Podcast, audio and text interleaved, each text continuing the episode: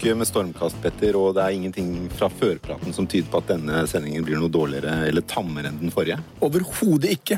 Det begynner å nærme seg sommeren, men her er vi totalt fritatt for agurknyheter. Ja, vi går inn i sommeren på speed, ser det ut til eh, her. Det er Absolutt. bra.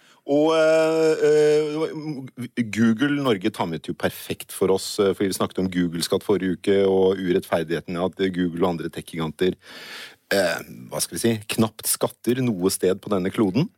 Eh, så kom de med resultat her i Norge. Vi trodde jo at det var et svært selskap. Vi trodde jo at de omsatte for mange milliarder kroner i Norge. Det er jo, de selger jo annonser for tre milliarder kroner i Norge. Ja. Eh, Men det er ingenting i regnskapene til Google Norge som tyder på det. Nei, det er vel sånn at eh, du blir mer imponert av en kebabkjede på Grønland som eh, leverer, som er betydelig bidragsyter til det norske fellesskapet. Ja, faktisk, jeg tror Bislett Kebab både tjener mer og skatter vesentlig mer enn det Google Norge gjør med Ja. sin milliardomsetning. Og vi trodde at dette var et av verdens største selskaper som gikk meget godt. Vi har tatt feil, men Jan Grønbekk, som leder Google Norge, han leder en liten pølsebu som tjener ca. 100 millioner kroner, og går med underskudd! Ja.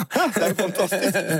Hvordan er det mulig? Nei, Det er dårlig bedriftsledelse. Eh, Man skulle jo tro med et sånt selskap at de hadde flere hundre millioner i, skatte, i skatteutgifter til den norske stat, men, men så feil kan vi ta. Ja. Eh, Selv du som jo Ting tyder på at du er god i å drive business, du, du har ikke skjønt Google Norges Nei, jeg det kom på når jeg var ute og løp i dag til morgenen at eh, vi må innføre et nytt eh, begrep, og det kalles kondomcommunication, og det er det Google har drevet med.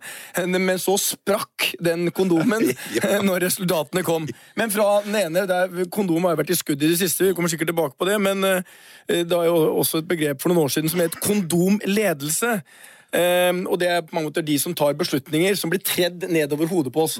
Men i dag er vi jo heldige å ha to gjester som står for det helt motsatte. Og jeg skal vel røpe at i dag så er en av gjestene min absolutt favorittleder i Norge. Oi, sier du det? Ja.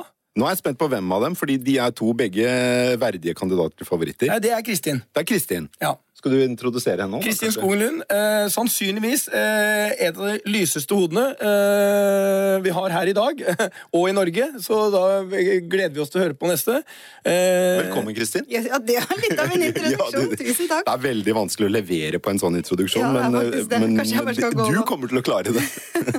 men vi må snakke om den andre gjesten nå, eh, som sa før vi skrudde på mikrofonen, er at man må aldri forveksle utdanning med intelligens. Det var hennes far som eh, var en klok mann som sa det. Ja, Men vi skal vel være så ærlige og si at det, det kom etter en liten passiar der eh, Kristin drømte om å komme på Harvard. Ja. Eh, hun skulle på det Forsvarets eh, hva heter det? Høyskole. høyskole, som, Ja. er, som er veldig stor stas.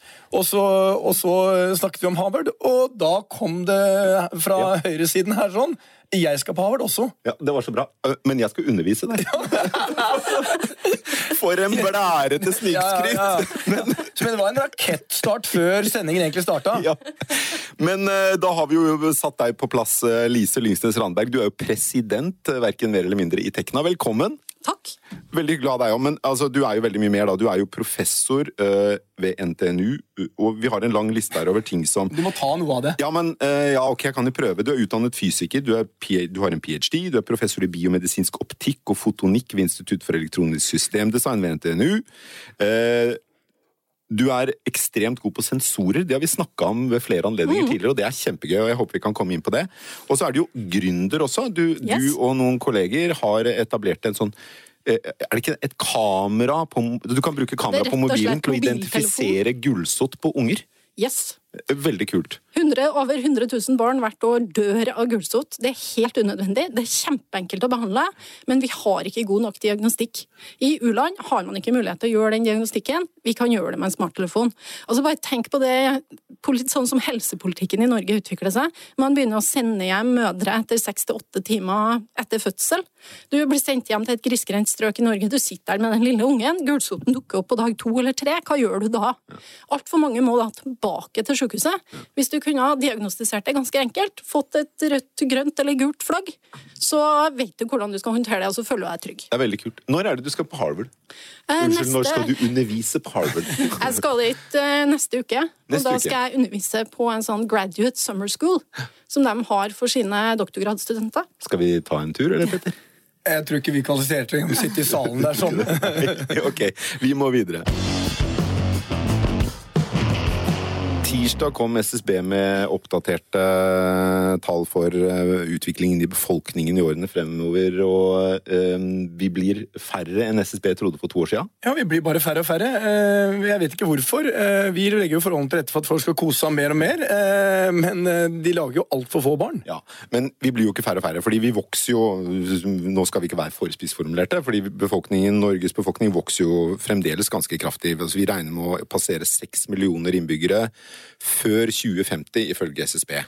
Um, De blir gamlere og gamlere. De blir eldre og eldre, og det er noe av grunnen til at vi blir så mange. Og så er en annen viktig grunn er uh, innvandringen. Uh, og en tredje er jo uh, at vi får tross alt flere barn enn europeere flest. Så det er ikke, det er ikke nattsvart, men det er likevel sånn at både du, Kristin, eh, Erna Solberg og mange andre har vært bekymra for eh, demografien blant eh, nordmenn. Både alderssammensetningen og antall, eh, antall eh, arbeidsføre og, og, og innvandrere som ikke går inn i jobb osv. Men hva, hva er det egentlig noen grunn til å bekymre seg? Fordi vi, befolkningen i Norge er jo ganske sterkt voksne likevel. Det er jo, vi ble jo nettopp fem millioner innbyggere, og om hva, 30 år så er vi seks. Ja, Høres jo veldig bra ut. ja.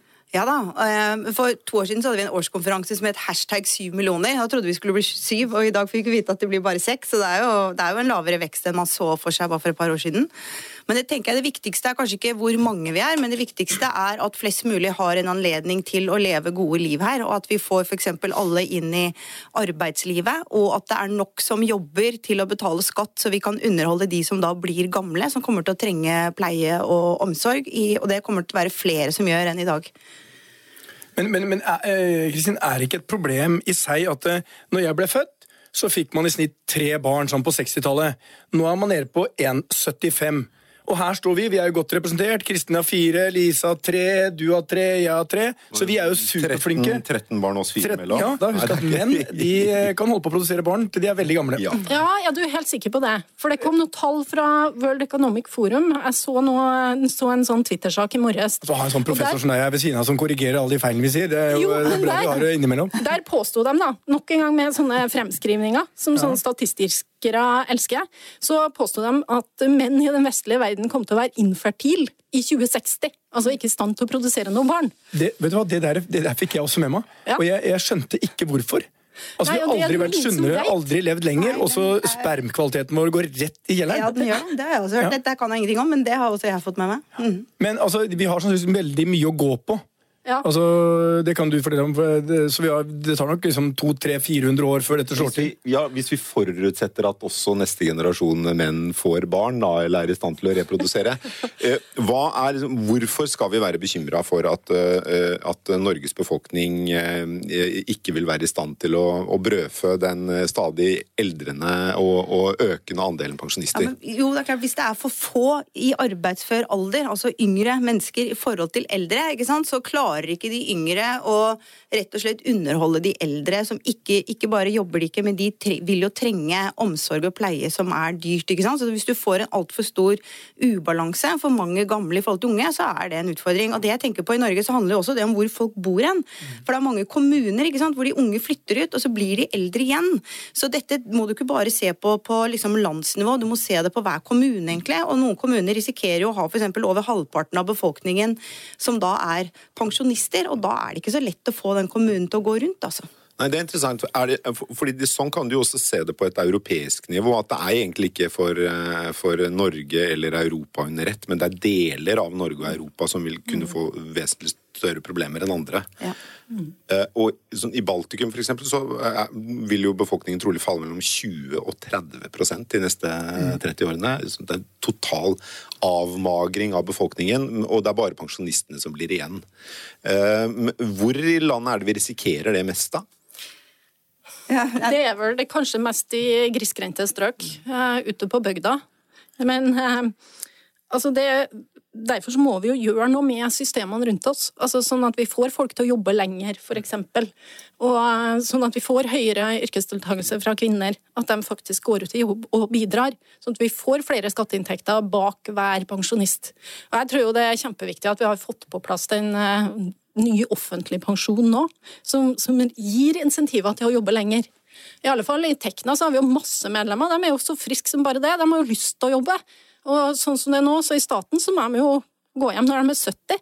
Altså, De kunne ha jobba til de var 80, ikke sant? Men det, men det er et paradoks at eh, Frankrike, blant annet, som har ganske eh, lav pensjonsalder for en stor del av de arbeidstakerne eh, de, Hvis du utdanner at du er omtrent 30, da, og så pensjoneres du liksom i snitt litt over 60, og så lever kvinner da i dag sånn synes de blir nesten 100 altså Det regnestykket går ikke opp over tid. Det gjør ikke det. Eh, og det er det vi må gjøre noe med. Lise, du er inne med en ting som er ganske viktig. Vi har jo, fordi vi har mange unge kvinner som jobber i Choice, så har vi et hav av småbarnsforeldre. Og det også å legge front til rette for at det skal være, eh, du skal liksom være verdens beste sted å få barn i. Ja. Halve kommunikasjonsavdelingen min nå er i permisjon. Og det syns vi er supermorsomt. Jeg sier at Når de blir ansatt hos oss, er det nesten sånn at det er sånn de rasler i eggstokkene når de går inn på hovedkontoret. og det er bra. Jeg har snakka så mye om kondomer og sædkvalitet Ja. og eggstokker i denne Ja, det, det, er- jeg, jeg, jeg, jeg, sa til deg når jeg skulle bli med som et sidekick til deg, at det kommer nok til å bli litt annerledes og halvveis mindre seriøst enn du hadde i din hvalebrokk. Men det kan jeg si noe annet om demografi. Et annet eh, nivå på dette her er jo at Europa ikke sant, var jo en ganske vesentlig andel av verdens befolkning. Nå tror jeg vi er, hvis ikke jeg husker helt feil, så nå er vi rett over 20 men vi kommer jo til å falle ned mot 10% og det går veldig fort. Fordi her stagnerer befolkningen, og så vokser den jo veldig mye, spesielt i Afrika. Så det er også noe med hele verdensbildet forandrer seg, og veldig, altså det tyngdepunktet som vi nok har opplevd har ligget i, i Vesten og i Europa, det flytter seg jo, og det, det går ganske fort. Så, eh, er det ikke også Jeg tror jo veldig på vi- skal vi unge, eller vi unge, det er kanskje tilhører ikke den kategorien lenger, men skal de, skal liksom de unge og arbeidsføre finansiere pensjonistene i fremtiden? Det tror jeg jo samfunnet, i hvert fall Norge, det vil vi klare ganske greit ved å justere oss. Men jeg tror kanskje en vel så stor bekymring er når du har en tredjedel av befolkningen eller mer som er pensjonister. Hvor blir innovasjonskraften og endringsviljen igjen i et sånt samfunn? Eh, og I en verden som går stadig raskere. Det tror jeg er en vel så stor bekymring. Og i, ikke minst i andre deler av Europa hvor, eh, hvor endringskraften fra før er ganske liten. Men samtidig så skal vi ikke gå i den fella og si at eldre mennesker ikke kan være kreative. Altså. Det, det tror jeg er veldig farlig, for da Ja. lager vi oss en stereotypi at da Og jeg mener heller ikke å være, jeg, jeg mener ikke å være aldersfascist Nei. heller, men, men, men det er jo et faktum at det er, det er liksom de Ja. tidlig 20-åra og oppover som er, som er virkelig nyskapende sånn i gjennomsnitt. Ja, men jeg støtter Lisa, så jeg føler meg har aldri vært mer nyskapende enn akkurat nå. Ikke? Men jeg, var- jeg var på um, NHOs årskonferanse, og der adresserte jo det er en av grunnene til at jeg mener Kristen er en av Norges beste ledere. Hun snakker ikke bare om lønn og sånt nå, der adresserte hun eldrebølgen, trygdebølgen og innvandringsbølgen. Og uh, sa at dette er noen av de viktige spørsmålene vi må løse. Og jeg synes når du leder på mange måter eh, et flertall av de største bedriftene i Norge, og er representant for de, og adressere de spørsmålene som handler om hvor Norge er på vei, liksom, og hva vi må løse, og det handler om mer enn bare lønnsoppgjøret, det syns jeg er eh, ikke bare viktig, men det er, eh, det er faktisk fremragende lederskap. Og det ansvaret vi som bedriftseiere har, det må adresseres fra de som representerer oss. Og det gjorde Kristin, og det syns jeg er superbra. Og det er mange som bør ha dårlig samvittighet blant norske bedriftsledere som ikke forstår de spørsmålene. For hvis vi vil, så kan vi løse disse tingene. Hva er den viktigste tingen å bekymre seg for da? Hvis vi tenker 20-30 år frem i tid. Eh, en tredjedel av alle nordmenn er eh, pensjonister, eller i hvert fall pensjonister med dagens pensjonsregler. Eh, er, det, er det det at vi ikke har nok hender i arbeid? Er det det at vi har en stor gruppe, spesielt av innvandrere, som står utenfor arbeidssystemet? Er det det at kvinner fortsetter å ha deltidsjobber? Hva er hovedproblemet her? Eh, Hovedutfordringen er at vi må få flere til å jobbe mer og lenger. Ikke nødvendigvis de som jobber fulltid i dag, men det er mange som enten jobber deltid, så kan jobbe mer. Det er noen som begynner veldig sent å jobbe, og det er noen som slutter for tidlig å jobbe. ikke sant? Og det er altfor mange som står utenfor arbeidslivet. Og så er det veldig er hyggelig du sier det du sier, Petter, for jeg er veldig opptatt av å vise at eh, bedriftene er jo løsningen på samfunnsutfordringene. ikke sant? Mens det er altfor mange som ser på bedriftene som, er, som problem, så ønsker jo vi å vise at vi er løsningen. Det er bedriftene som kan inkludere folk i arbeidslivet. Men det er et annet stort bilde her også. Det er jo de trendene vi ser i dag i store deler av Europa, ikke minst vi ser i USA også. Det er eh, de og oss. Eh, det å integrere alle de som har kommet. Jeg tror hvis ikke vi ser eh, utfordringene som ligger i å ikke løse de problemene, så kan vi i fremtiden stå overfor store utfordringer. Vi ser allerede tendensene selv uh, i vår del, altså i de nordiske landene. Um, og så tror jeg vi må jobbe for å få større fleksibilitet. Altså, jeg, eh, og jeg burde kanskje være den siste som tar det, jeg tror det er, ligger noe i en borgerlønn i fremtiden. Jeg tror vi må tenke helt annerledes, og vi må tenke nytt for å få flere inn eh, i arbeidslivet. Eh, og, vi, og der tror jeg, som Kristin sier, det er vi som bedriftseiere som sitter på mye av løsningene. Men ikke bare det. Nei, ikke bare det. Du må ha med deg de ansatte også, og det er det jeg syns mangler i diskusjonen her nå. For nå står vi jo her og er både arbeidsgiver og arbeidstaker, og det er jo det samarbeidet, tenker jeg, mellom arbeidsgiver og arbeidstaker som faktisk er så utrolig vellykka i Norge, og som er hele styrken vår i Norden, og som er ganske unikt. Altså Når du reiser rundt i verden og møter fagforeninger, det driver jeg med, i Japan og i Øst-Europa og i Sør-Europa, det er et så totalt annerledes bilde. Her snakker vi sammen, her finner vi de gode løsningene, her tar vi samfunnsansvar sammen. Og jeg tror at det er det samarbeidet som faktisk er løsningen på veldig mange av de problemene. Det at vi får det til å gli, at vi snakker sammen, at vi stoler på hverandre, og at vi kan jobbe sammen på tvers av hierarkiene. Det er enig Lise, og det er fantastisk. Også hvis jeg skal bare hive inn en liten brannfakkel, så tenker jeg at vi da, som på en måte er, er representanter for den norske modellen, om du vil, vi må bare passe veldig godt på at det ikke bare blir en modell for de som er innafor. Vi må faktisk ta ansvaret for de som er utafor. Den må utvikles og videreutvikles, og der tenker jeg vi sitter med hovedansvaret for å innovere i hvordan den norske modellen skal se ut fremover. Fordi at arbeidslivet kommer ikke til å se ut sånn som det gjør i dag om 10, 15, 20, 50 år. Jeg husker En brannfakkel til eh, som jeg kan hive inn, da, det er jo at eh, det er jo også slik at eh, veldig mange bedrifter i dag de har jo en ekstrem kortsiktighet i sin tenkesett.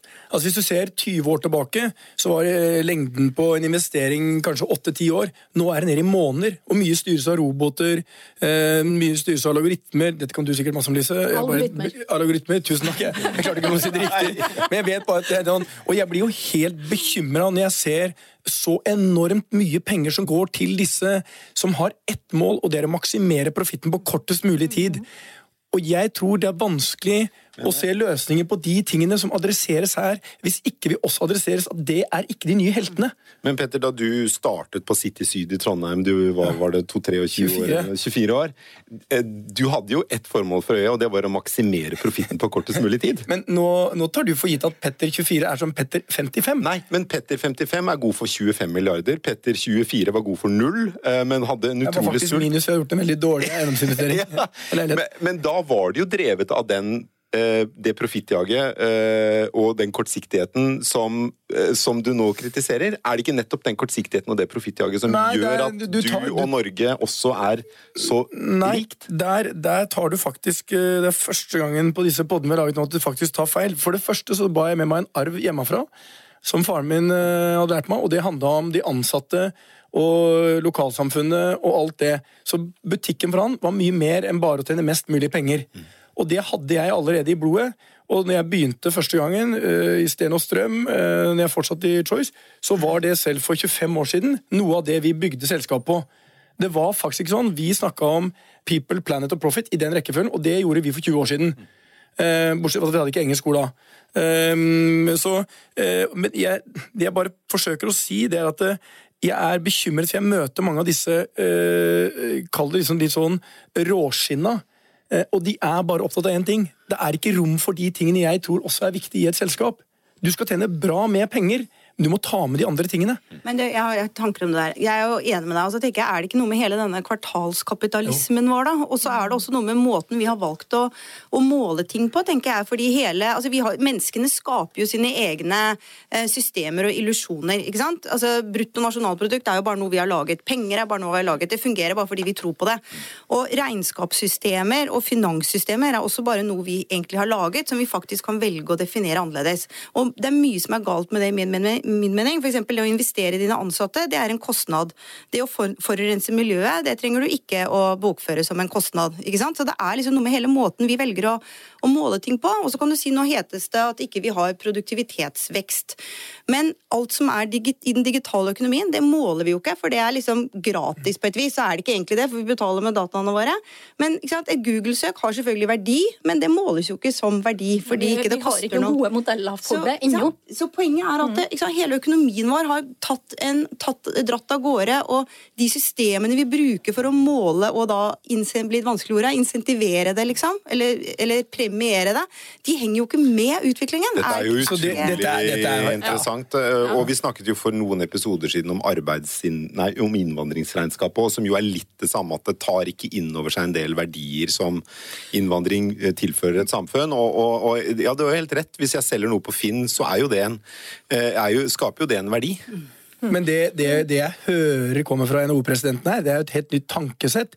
Og vi kanskje skal ha et regnskap for miljø som også skal liksom revideres, og vi skal ha et for liksom mennesker som skal revideres, og de skal gå i pluss akkurat på lik linje som regnskapet ditt. Det syns jeg er fine tanker. Dette er jo Det høres bra ut. Ja. Men altså, vi har jo en, vi står og diskuterer her nå ut ifra SSB sine framskrivinger, SSB sine tall. Så jeg er jo litt sånn akademisk anlagt, da. Så jeg gikk jo Nei, Du vil selvfølgelig tilbake, du vil tilbake til fakta. Nei, men så jeg gikk jo inn og så på de detaljene i de tallene. Ja, og de kurvene og sånn. Og så tenker jeg det, egentlig så er det litt interessant at eh, hvis du ser på historiske tall, så, så går jo kurvene opp og ned. Altså det er hopp. For eksempel eh, hvor mange barn du får, det er avhengig av eh, hvilken konjunktur du er inne i. Går det dårlig og du ikke har jobb, så får du ikke noe barn. Og um, det er ikke reflektert i framskrivingene, ikke sant? Du har jo Og er du litt tilbake på fruktbarhet nå? ja, Eller- ja. for eksempel. Altså, kurvene er jo helt glatt fremover. Samme med levealder. De, de er litt enklere. De går liksom greit oppover. De har gått greit oppover. Men hva som skjer hvis vi plutselig får en litt sånn gjennomgripende endring? Men det kan du ikke forutse. Nei, men vi har noen, da. Vi har noen sånne spøkelser som eh, lurer bak her. F.eks. på levealder. Hvis vi får en kraftig økning i antibiotikaresistens, sånn at folk begynner å dø av infeksjoner igjen Du snakker om pandemier, du. Nei, jeg snakker ikke om det. Jeg snakker om hvis du får en infeksjon i fingeren, så kan du faktisk dø av det hvis antibiotikaen ikke virker lenger. For eksempel. Altså man, hvis man ser tilbake på hva folk døde av i 1850, så døde jo 30% av uskyldige infeksjoner som vi behandler med en antibiotikakur i dag.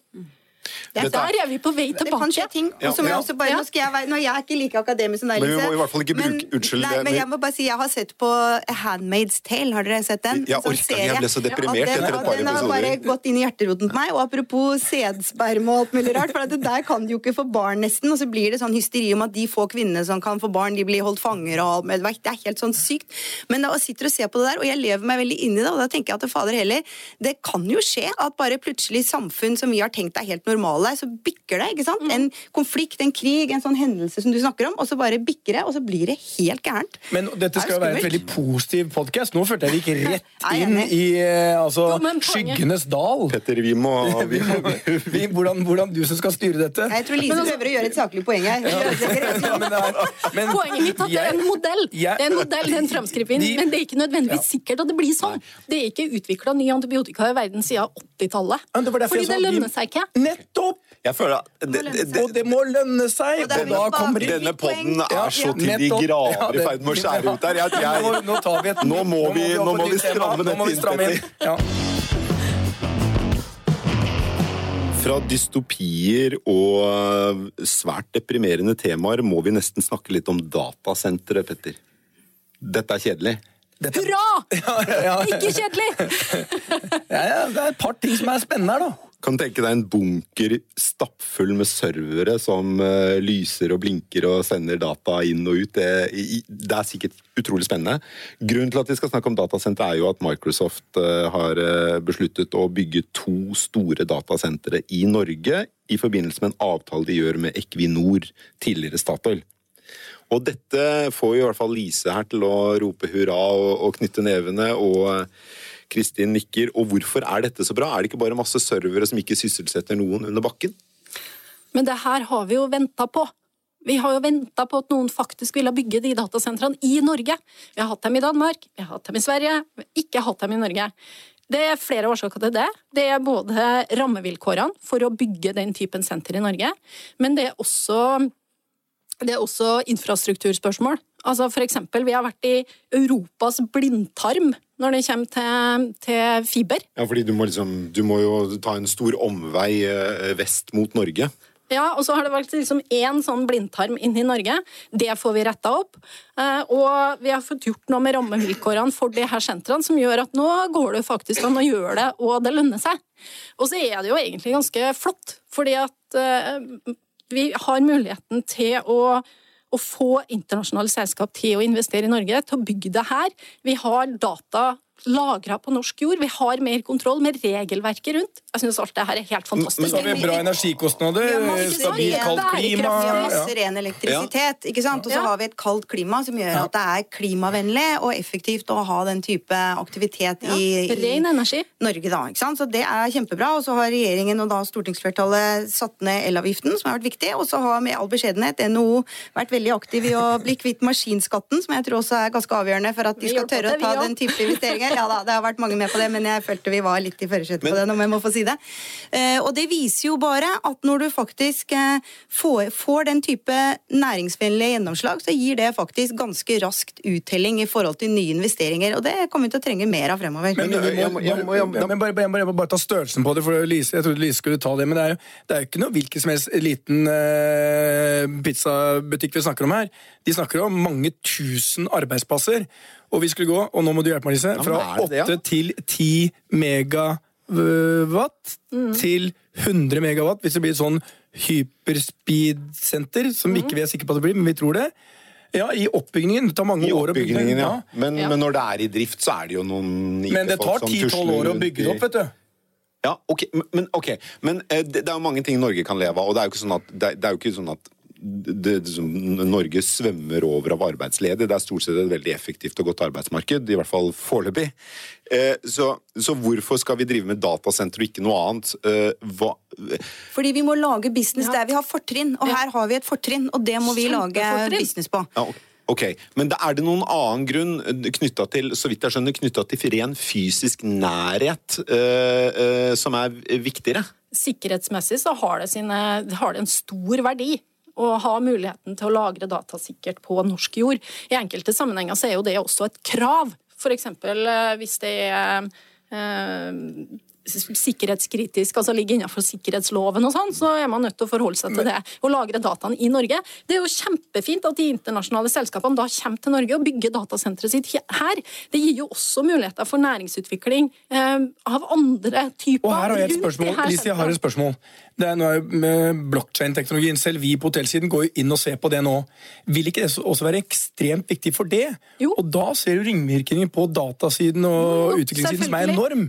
Altså For, for 24 måneder siden så, så tenkte ikke vi på det engang. Nå er vi på full fart inn og investerer millioner der. Det kommer overalt. Ja. Det kommer til å kreve veldig mye datakapasitet. Og det er faktisk sånn at Hvis vi fortsetter som nå, så vil all verdens kraft måtte brukes på data i 2050. eller hva det er. Så Apropos innovasjon, Petter.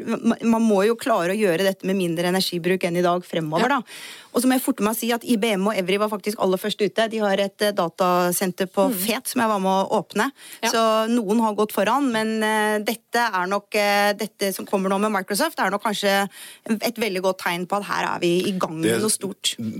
Datasenter er jo det er en veldig kraftig Det er en, en, en vekstbransje. Da. Jeg har noen tall her som I 2015 så var det 229 av disse sånne svære datasentrene i verden. Og i 2020 Jeg har ikke helt hvor disse tallene er fra, men i 2020 er det venta 485, så en drøy dobling, da. Men altså, en næring i vekst, kan du si. få- Det er jo virkelig en næring i vekst. Men altså, du snakker jo om, eh, Vi har snakka mange ganger vi, om eh, hva som er den nye oljen. Altså, Det er litt sånn forslitt begrep. Men Vi snakke om reiseliv nå. der òg. Men Alt er data. den nye olje. Data. Bare ikke olje. Da. Data. Data. er Ja. data.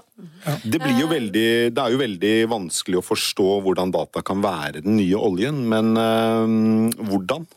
På Kan du- mange måter. Kan Harvard-professoren Jeg hjelpe tror oss? det, altså jeg er jo sensorteknolog, da. Jeg lager jo sånne duppeditter som For er du, henter inn- eh, som for oss er du en. Einstein i dette rommet akkurat nå. som henter inn alle de dataene. ikke sant?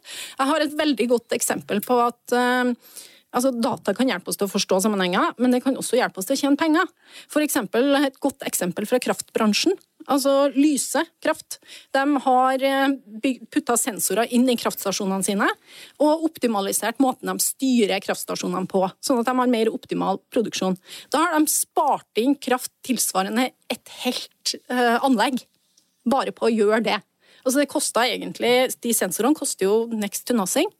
Eh, Det koster litt mer å få prosessert dataen, men når du først har det på plass, så står det jo der og ruller av gårde, da. Og oljeindustrien, det å forutsi når det oppstår en feil på et rør, en feil på en ventil, som du kan se på sånne bitte små endringer i de datastrømmene, i ganske god tid foran, da kan du gå inn og reparere før det går i stykker. Så man- slipper du ned, Så når man snakker om big data, så snakker man ofte egentlig bare om helt sånn radikale effektiviseringer ved at du vet mye mer og mye raskere hvordan en prosess foregår, for Og du kan forutsi. Ja. Og for eksempel, det går jo også på mennesker. Eh, Vi går jo med alle de her dingsene på oss etter hvert, og, og kan, eh, da kan jeg også forutsi. Hvis du får beskjed om at hei, du, nå er det ganske stor fare for at du får et hjerteinfarkt eh, ganske snart, kom deg til lege. Det er jo en ganske stor fordel framfor at du får det hjerteinfarktet, og så må komme deg til lege. Vi er på vei opp her sånn i, i positivitet. Jeg føler det nå. Etter, etter temaet Ja. Du, med, du med så mange små barn burde kanskje fått deg en sånn greie. Ja, kanskje jeg skulle det. Nå er du i ferd med å få eh, høyt blodtrykk. Ja, det minst. Ja. Ok. Vi er kommet til eh, siste bolk, og vi, det er jo straks sommer. Eh, sommer er den tiden mange av oss har tid til å lese, så vi tenkte hvorfor ikke ta en runde rundt eh, i studio. Hva skal vi lese i sommer, eller hva bør lytterne absolutt få med seg? Og jeg har satt som regel at det er ikke lov å velge noe fra Petters forlag. Eh, Det blir jo vanskelig da, hvis du skal innom krimsiden. Ja. ja, det blir veldig vanskelig. Så vi får se om du klarer å holde deg. Men Kristin, hva har du tenkt å lese i sommer, eller At jeg, mener du jeg er en person høre? full av ambisjoner, og jeg pleier å være dårlig på gjennomføring når det gjelder lesing. Bare bare starte med å være ærlig på det, da. Men nå har jeg har lest Sapien, som jeg syns er fantastisk. Den er midt i Homo Deus, som er oppfølgeren. Den må jeg bli ferdig med. Det tror jeg jeg klarer. Og så har jeg store ambisjoner om å lese den eh, Why Democracies Fail. Og så har jeg ambisjoner om å lese en eh, boka til han eh, Ronan Farrow som har kommet ut. Eh, Han kommer til årskonferansen vår i januar, så den må jeg få med meg. Og så har jeg tenkt å lese den der Thinking Fast and Slow med Kahneman. Jeg vet det, det er veldig det ambisiøst. det er Ja, men alltid har jeg Altså, veldig lyst til å lese. så- Ja, men, ja, men Petter, jeg er jo ærlig på det. Jeg har veldig lyst til å lese alle de bøkene. Og jeg kan si allerede nå Jeg kommer ikke, kommer ikke til å pløye gjennom dem i løpet av sommeren. Å Nei, det er ambisjonen din, dette. ja, men sånn er jeg hvert år. Og Men har du det med noe, har du noe, er det noe, noe krim, eller noe som, som er lett, og som ikke er fag? Eller, eller bruker du selv sommeren til å jobbe? Nei, det er jo ikke jobb, da. Altså, jeg syns jo det er interessant, da. Med de, altså, de bøkene jeg leser nå, er jo ting jeg syns er kjempeinteressant. Så, så jeg leser ikke krimbøker og sånn, egentlig. Det er ikke det at jeg ikke kunne gjort det, men jeg gjør ikke det, da. Eh, men jeg leser jo avisen, da. Altså, sånn, det, det er en grad det er lett lesing, liksom. Lise, hva med deg? Noe Jo, altså, jeg kan gjerne pløye gjennom uh, lettkrim, jeg. Eh, gjerne ting som er bare underholdning. Men, eh, men jeg har en anbefaling. Den er jo kanskje ikke så lett, da. Nei, det Men, var men, den er, overraskelse. men den er anbefalt for alle, og spesielt alle ledere, eh, tenker jeg. Og det er Olav Lysne på Simula. Han har skrevet bok. En eh, liten lettsak på 125 sider. Jeg har lest den på en natt. Eh, Jeg begynte, og så klarte ikke å legge den fra meg. Men den eh, har den fengende tittelen The Huawei and Snowden Questions. Can electronic equipment from untrusted vendors be verified? Can an untrusted vendor build trust into electronic equipment? Det var den Det- det- fengende eh, tittelen. det- Men du duppa. fortelle hva det Dette er sovemedisin. Altså, men han må lære seg at hvis en tittel skal ja, må- selge altså, du Han kan ringe Petter og meg, så skal vi hjelpe ham med. Ja, ja. Du kan hjelpe ham med tittelen. For innholdet Ja. det er fantastisk. Ja. Og han har til og med en sånn leserguide for ikke-teknologer. Så han sier du kan lese kapittel, kapittel 1, 2, 3 og 15. Men, jeg Liksom. forstår ikke en dritt av Poenget, poenget eh, det handler om eh, elektronikk. Og bakdøra i elektronikk. Ja. Og egentlig de, det, altså. Som er de grunnen til de at litt eh, filosofiske spørsmålene rundt. For PST advarer jo annet mot bruk av Huawei og andre kinesiske teknologiske leverandører. Mhm. Så han drar opp det er som et det det handler om? eksempel. Ja, han drar opp det som et eksempel. Da. Kan du, hvis du er helt avhengig av teknologi, og du er nødt til å få teknologi fra en bestemt leverandør, for det finnes bare én, hva skjer da når den leverandøren har lagt inn en bakdør?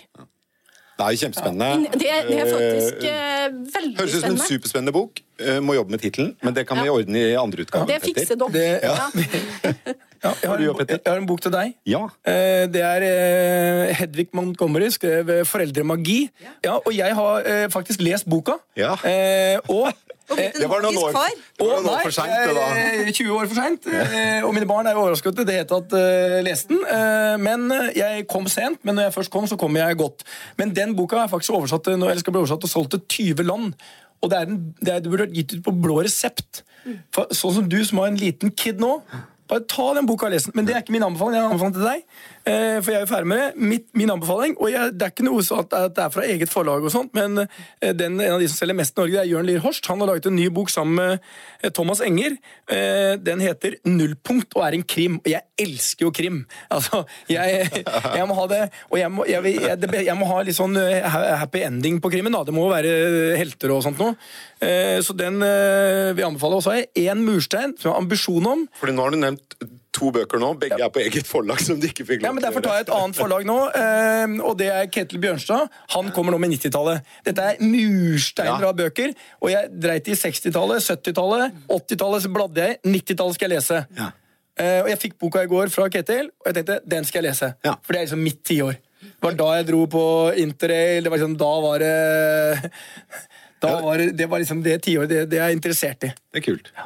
Ok, jeg, Jeg holder på eh, med en bok nå. Det er første bok på lenge jeg har faktisk klart å lese, men den er umulig ikke å lese videre i, og det er Tore Kveven. Eller Kvæven, tror jeg han er. En sauebonde som skriver på et litt sånn tungt nynorsk, som jeg i utgangspunktet er litt sånn skeptisk i å lese, eh, med et slitent eh, hode på kvelden. Men han har skrevet en bok som heter 'Har jeg mitt lands lov'. Fantastisk bok. Eh, og nå i år kom han ut med 'Når landet mørknar' på Samlaget. Jeg fikk terningkast seks overalt. Er en historisk roman. Eh, jeg tror den er helt fantastisk. 'Har jeg mitt lands lov', som jeg leser nå, den handler om et vikingetokt inn i mm, dypeste Kongo. Helt fantastisk spennende eh, og mørk og vond og fæl. Kan virkelig anbefales. Den, den bør du lese, altså. Er, det har vært veldig mye fælt denne uka. Eh, Men eh, han skriver briljant. Jeg tror han brukte ja, jeg tror han brukte elleve år på å skrive den første boka. Han brukte syv år på å skrive den neste nå. Eh, virkelig, ja, håper jeg også. Han er sauebonde, så det kan umulig være et veldig godt, godt yrke sånn økonomisk. Så sats på at den leses og, og selges godt.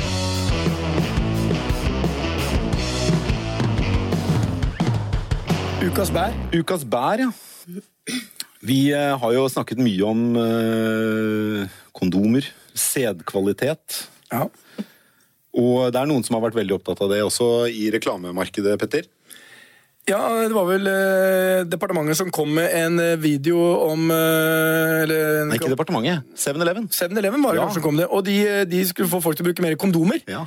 Og jeg syns det er helt fantastisk når jeg så den.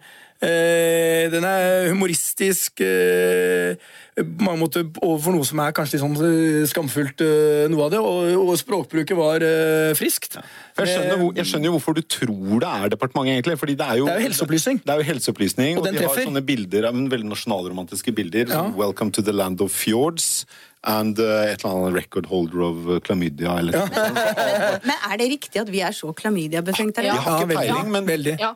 Lise, veldig bra. Ja. Norge og Danmark. Norge Danmark. Eh, Norge, Danmark og Island tror jeg faktisk er blant de verste. er vi mer løsslupne enn andre? Har vi mindre kondomkutyme? Hva er, eh, hva er Jeg vet ikke om vi skal gå inn i årsakene, men, men altså, én ting er jo klamydia. Men eh, ja, det, jeg tenker Luc du Frank Zappa. Altså, Det burde ha vært gonoré. må jeg om. For det er virkelig skummelt. Okay. Når vi snakka om den der antibiotikaresistensen i sted den Jeg, jeg visste det kom noe her på slutten, så skulle, nå, hadde vi en, nå, skulle vi prøve, nå skulle vi prøve å slutte litt oppe her med noe som var morsomt. Men jeg kan si En- noe- ja, Kommer du òg med noe nå som er ja. Jeg synes det er hadde positivt. vi hadde to vennepar fra London på besøk i helgen, og de landet på Gardermoen og så denne reklamen, Ja. og de snakket om veldig mye om den. De var helt over seg over det. Så den gjør veldig inntrykk. Den- Den er utrolig fengende. Så. Modig og kreativt Ja, for den, det jeg syns er best med den, er at den er så modig. Den tør ja. å, Ja. å sette Norge i en sånn kontrast. da. Land of the fjords and Akkurat. chlamydia. Det Ja. er, Jeg ble er litt sånn, vakkert. ja, jeg, ble, jeg merket at jeg ble litt sånn Jeg, jeg var, er ikke sikker på om jeg likte helt det med den klamydiaen liksom, på, sånn, på nordmenns vegne. Fikk litt, litt sånn stikk i nasjonalhjertet mitt. Men de syns det var bra norgesreklame òg, på en måte. Ja. At vi nettopp den kontrasten det, Det, det, er jo, det, er det, Norge skal være. Det er det, så for Visit Norway var så kritisk til dette og syntes at Men vi tar det jo på alvor! er, fordi Jeg tenker jo heller det. Ja. Velkommen til et fantastisk vakkert land som, Som- tør å snakke om noe så Ja, sånn stigmatiserende som kjønnssykdommer på en så åpen og Ja. kul måte. Jeg er enig i det. Det var kanskje jeg som ikke var eh, fleksibel. Kanskje, kanskje er det alderen. Kanskje alle Jeg er sikker på at uh, barna mine de syns den var kjempemorsom. Vi skal ta sommerferie, Petter. Det Ja. blir jo en, eh, en eh, et, eh, Det skal bli deilig å ta ferie, da. Ja, jeg husker åssen det var med tre små barn. jeg tipper ja, at min ferie er jo ikke ferie, Nei, men, nei, Min ferie blir nok litt annerledes enn din. Ja, det tror jeg er mer avslappa. Men vi må runde av. Skylder Lise og Kristin en stor takk for at dere stilte opp. Hjertelig god sommertid, dere begge, enten dere skal på ferie eller til Harvard. Eh, Petter, vi må takke lytterne. Ja. Vi har jo fått eh, ganske mange tusen lyttere. Det er superhyggelig. Ja, og synes jeg er spesielt hyggelig at jeg har fått veldig mange tilbakemeldinger fra unge som lytter på oss. Det er bra. Det er bra. Truls Johansen har produsert sendingen som vanlig. Vi snakkes igjen over sommeren. Ha en strålende sommer. Ha god sommer.